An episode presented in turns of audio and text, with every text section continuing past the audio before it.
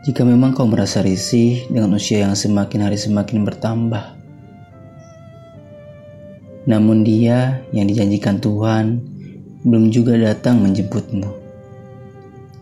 Sedangkan mereka, teman-teman yang sebaya denganmu, tidak lagi memikirkan perihal jodoh.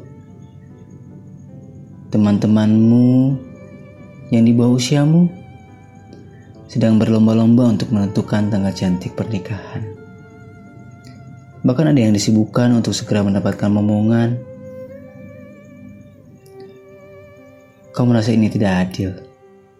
Mengapa yang lain begitu mudah?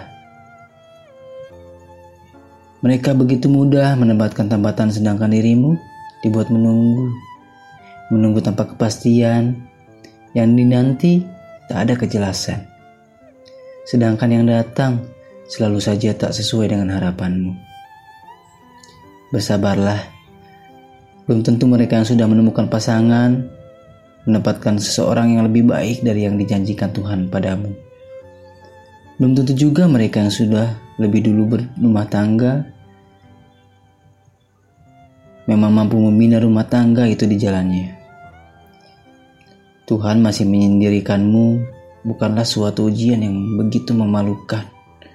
Bukan juga karena dia tak sayang padamu, Semakin kau bertambah usiamu, semakin besar ujianmu. Tapi, sebuah kesempatan agar kau bisa memilih seseorang yang terbaik di hari esok, dan tak perlu lagi merasakan pahitnya sebuah kegagalan.